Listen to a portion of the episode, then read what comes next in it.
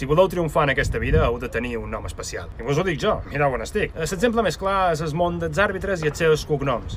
Us posaré un exemple de com els atrien. González Martínez, ¿pero dónde va con eso apellido? Suspendido. García Albiol, tú con eso apellido, como mucho te podemos mandar al bar a que comprueben lo fuera de juego de tu partido. Japón-Sevilla, uno que vale la pena. A primera. Urizar, Aspitarte, hostia, este lo mandamos a Europa a ver cómo lo pronuncian. I així és com funciona. Hi ha equips que fitxen segons el nom que tenen els jugadors i a vegades per males interpretacions. És el cas d'en Florentino, que fa negocis des d'una cadira del Bernabéu. Oye, Aznar, eso del Castor, cuando diga que todo ha salido mal, seguro que dan indemnizaciones i l'Aznar, molt segur de si mateix, sí, Dan, vale, va sentenciar en Florentino. A Can Barça també tenim alguns exemples. En Christo Stochkov, que sortia a Cristo per partit. Era sa Belén Esteban descans de futbol. Sempre estava enfadat. Un altre exemple, Winston Bogart, em cago en ell.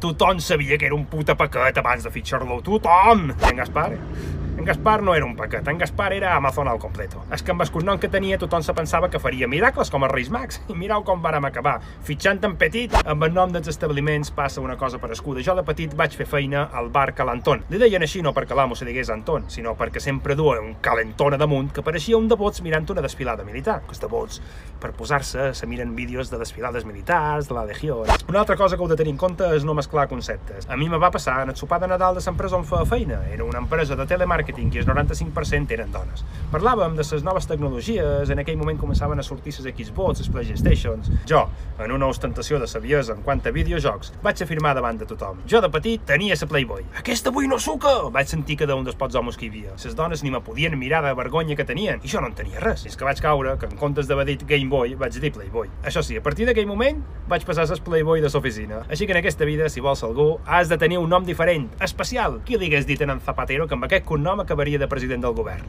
tot aquests socialistes, que són una mica catxondos, quan varen veure que la cosa no anava molt bé, el varen intentar reflotar posant-li aquell nom comercial de ZP, Z pels amics. La versió digital se va quedar amb IZ, que continua vigent, però amb el programari antiquat. Al dios!